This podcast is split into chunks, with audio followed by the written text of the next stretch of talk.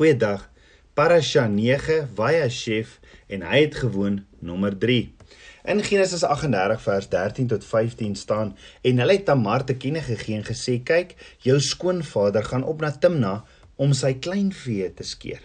Toe trek sy die klere van haar weduweeskap uit en bedek haar met 'n sluier en draai haar toe en sy het gaan sit by die ingang van Enahim wat op na op die pad na Timna lê want sy het gesien dat Sela groot geword het. Maar sy was aan hom nie as vrou gegee nie en toe Juda haar sien, het hy haar verhoor gehou omdat sy haar gesig toegebind het. Jy sien Juda het 'n vreeslike skandelike ding gedoen deur nie toe te laat dat Sheila sy sy derde seun met Tamar trou nie. En daarom maak Tamar toe ander planne want Tamar het vasgekleef aan haar vader se belofte sy instruksie en sy droom vir haar, daardie liferate huwelik. Dit was haar enigste hoop, daardie instruksie van haar vader oor die liferate huwelik. En Tamar maak toe 'n ander plan. En dit is om by Juda homself sommer te gaan slaap om direk uit sy saad die belangrike taak te verrig om die bloedlyne van haar oorlede man uit te voer. En so vermom sy haar toe as 'n prostituut en gaan wag toe vir hom op 'n plek genaamd Enahim wat beteken o wat kyk. En dan sê Genesis 38 vers 16 en hy het na haar uitgedraai by die pad en gesê kom tog laat my by jou ingaan want hy het nie geweet dat dit sy skoondogter was nie. Nou hierdie woordjie of hierdie sinnetjie wat sê en hy het na haar uitgedraai beteken Juda het wegbeweeg van haar vader se instruksies af en gedoen wat verkeerd is. En Tamar se plan het gewerk. Jy sien daar moes 'n nageslag kom uit die stam van Juda en dit was eintlik Juda se verantwoordelikheid. Maar hoor gou-gou. Hoor gou-gou weer wat vra Tamar vir Juda. Sy vra: "Wat sal jy my gee as jy by my ingaan?" En Juda antwoord haar: "Ek sal vir jou 'n boklam van die kleinvee afstuur." Nou 'n boklam, het ons gister gesien, simboliseer 'n onberouvolle sondaars hart. So Tamar sê toe, soek 3 dinge. Sy soek 3 dinge, naamlik sy seelring, sy prayer shawl of 'n talit en sy staf. Nou 'n seelring is 'n gesaghebende simbool wat met krag geassosieer word. 'n Talit verteenwoordig Abba Vader se beskerming en die tsitsies van die talit herinner jou aan Abba Vader se instruksies en beloftes. 'n Staf verteenwoordig autoriteit en gesag. Met ander woorde, Juda sit met 'n onberouvolle sondaarshart en gee so sy goedkeuring van Abba, sy gesag, Abba Vader se autoriteit in sy lewe, Abba Vader se beskerming oor hom en Abba Vader se drome en beloftes oor sy lewe gee hy op vir 'n kortstondige plesiertjie. En Genesis 38 vers 18 sê Juda gaan toe by haar in en sy het by hom swanger geword. Hierdie dadelike swangerskap word gesien as Abba Vader se seëninge.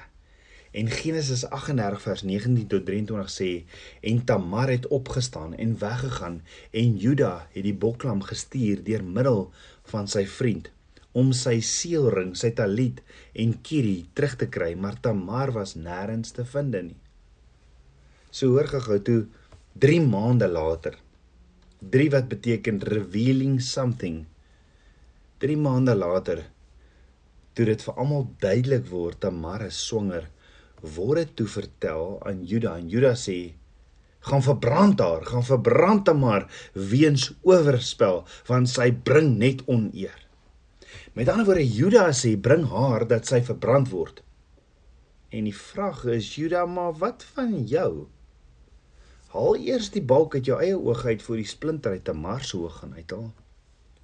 En toe hulle vir Tamar laat haal, dat weet sy toe sommer vinnig vir haar skoonpa, maar hoor hier, die man wat haar swanger gemaak het met 'n tweeling, het haar betaal met 'n seelring, 'n talit en 'n staf. En is dit nie dalk joune nie? En ek dink dit was vir ons soos 'n bomskok.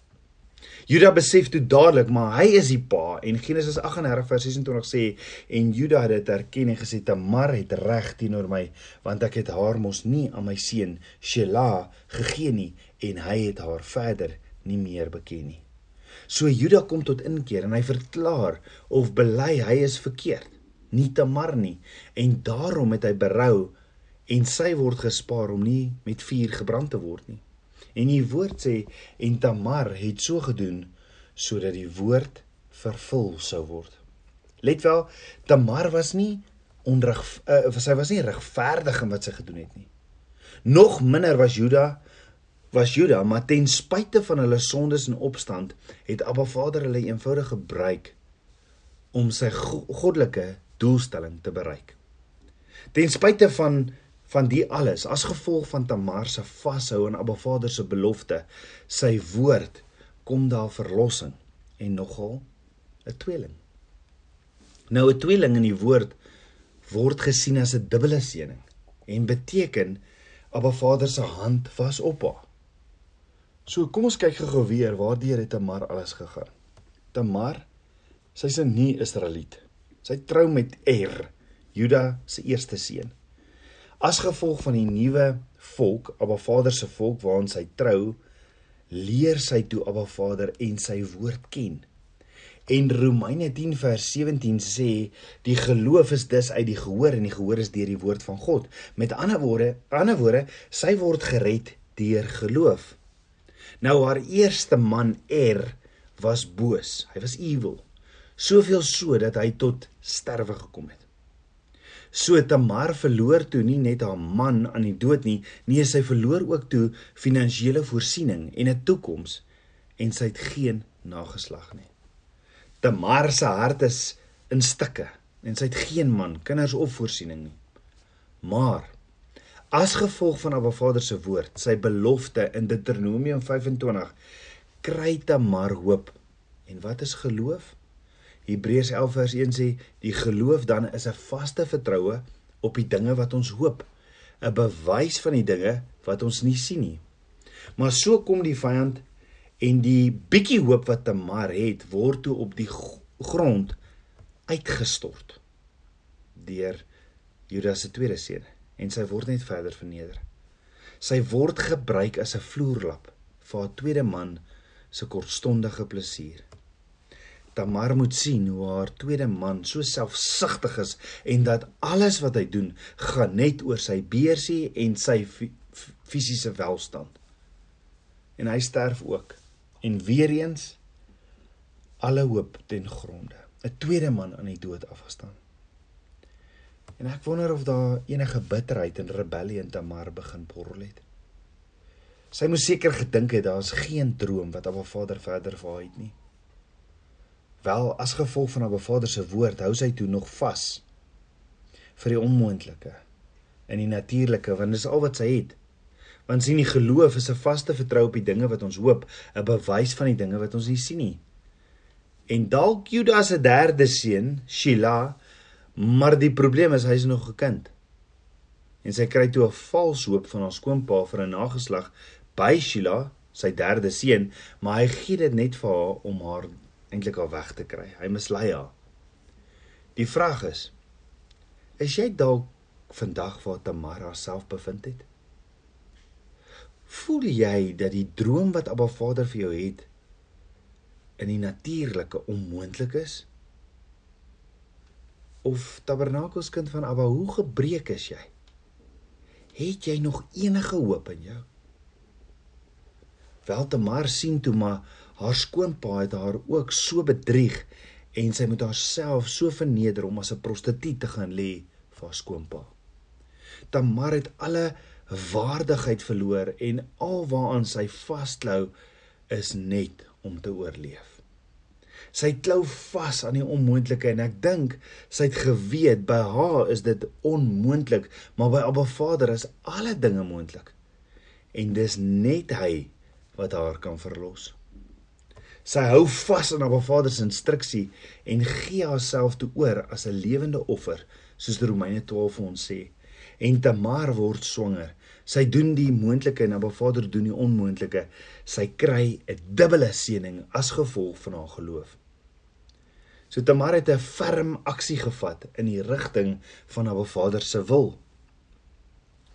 Dalk lyk jou lewe so stikkend soos Tamar se.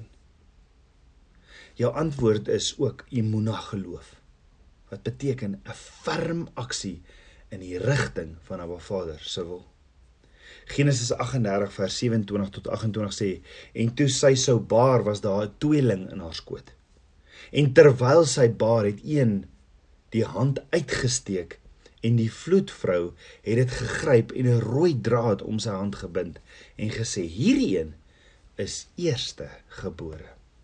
Met ander woorde toe Tamar baar, toe steek een van hierdie tweelinge sy hand uit en die vroedvrou gryp sy handjie en bind 'n rooi toutjie om sy hand en sê hierdie een is eerstegebore. Maar hoor gou-gou. Toe het hy sy hand teruggetrek en sy broer word toe gebore eerste.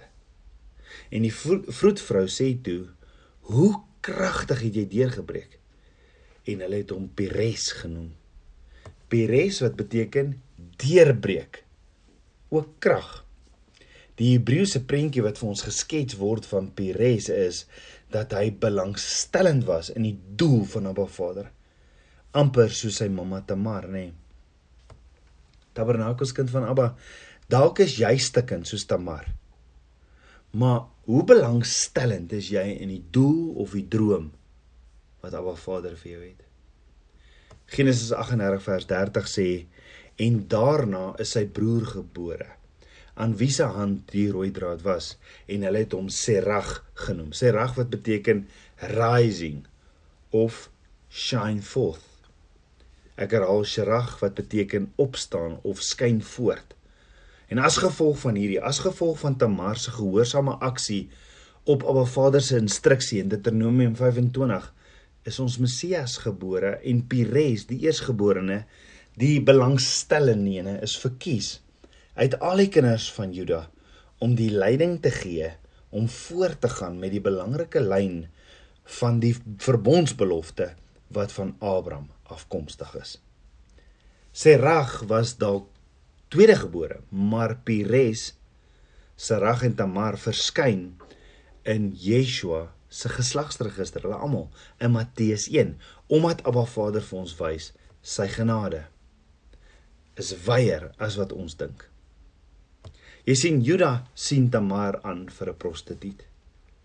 Hy gaan by haar in en verwek vir Pires. Almal name in die geslagsregister van Yeshua. Paulus sê in Filippense 2 vers 6 tot 8: Ons verlosser het deur die weg van menslike skuld en sonde hierdie wêreld betree.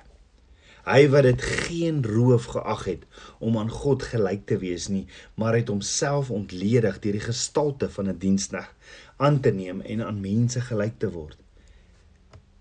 En in gedaante gevind het as 'n mens, het hy homself verneder deur gehoorsaam te word tot die dood toe, ja, tot die dood van die kruis. Jy sien Tabernakels kind van Abba as as Abba Vader in sy vrymag te maar kon optel. Wat die wêreld gesien het as 'n vloerlap en haar so kon be, begenadig het. Verskyn nou ons hoop vir my en jou ook. Maak nie saak hoe seer die wêreld jou al gemaak het nie. Hoekom nie opnuut jou lewe vir Abba Vader gee nie?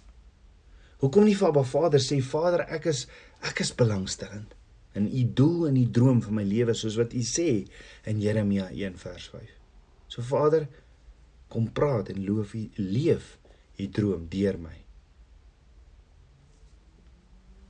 Kom ons bid saam. Aba Vader koning van my hart, ek loof en prys u. Vader, uit die bokskruit van die lewe wil ek opstaan. Vergewe my my sondes en kom was my met was my spierwit so sneeu. Hier is my lewe. Aan u woord wil ek vasleef en aan die droom vir my lewe wil ek lewe. Kom blaas u asem oor hierdie bene en kom leef in my. Ek bid dit alles in Yeshua Messie se naam, die seun van Jahweh. Shalom.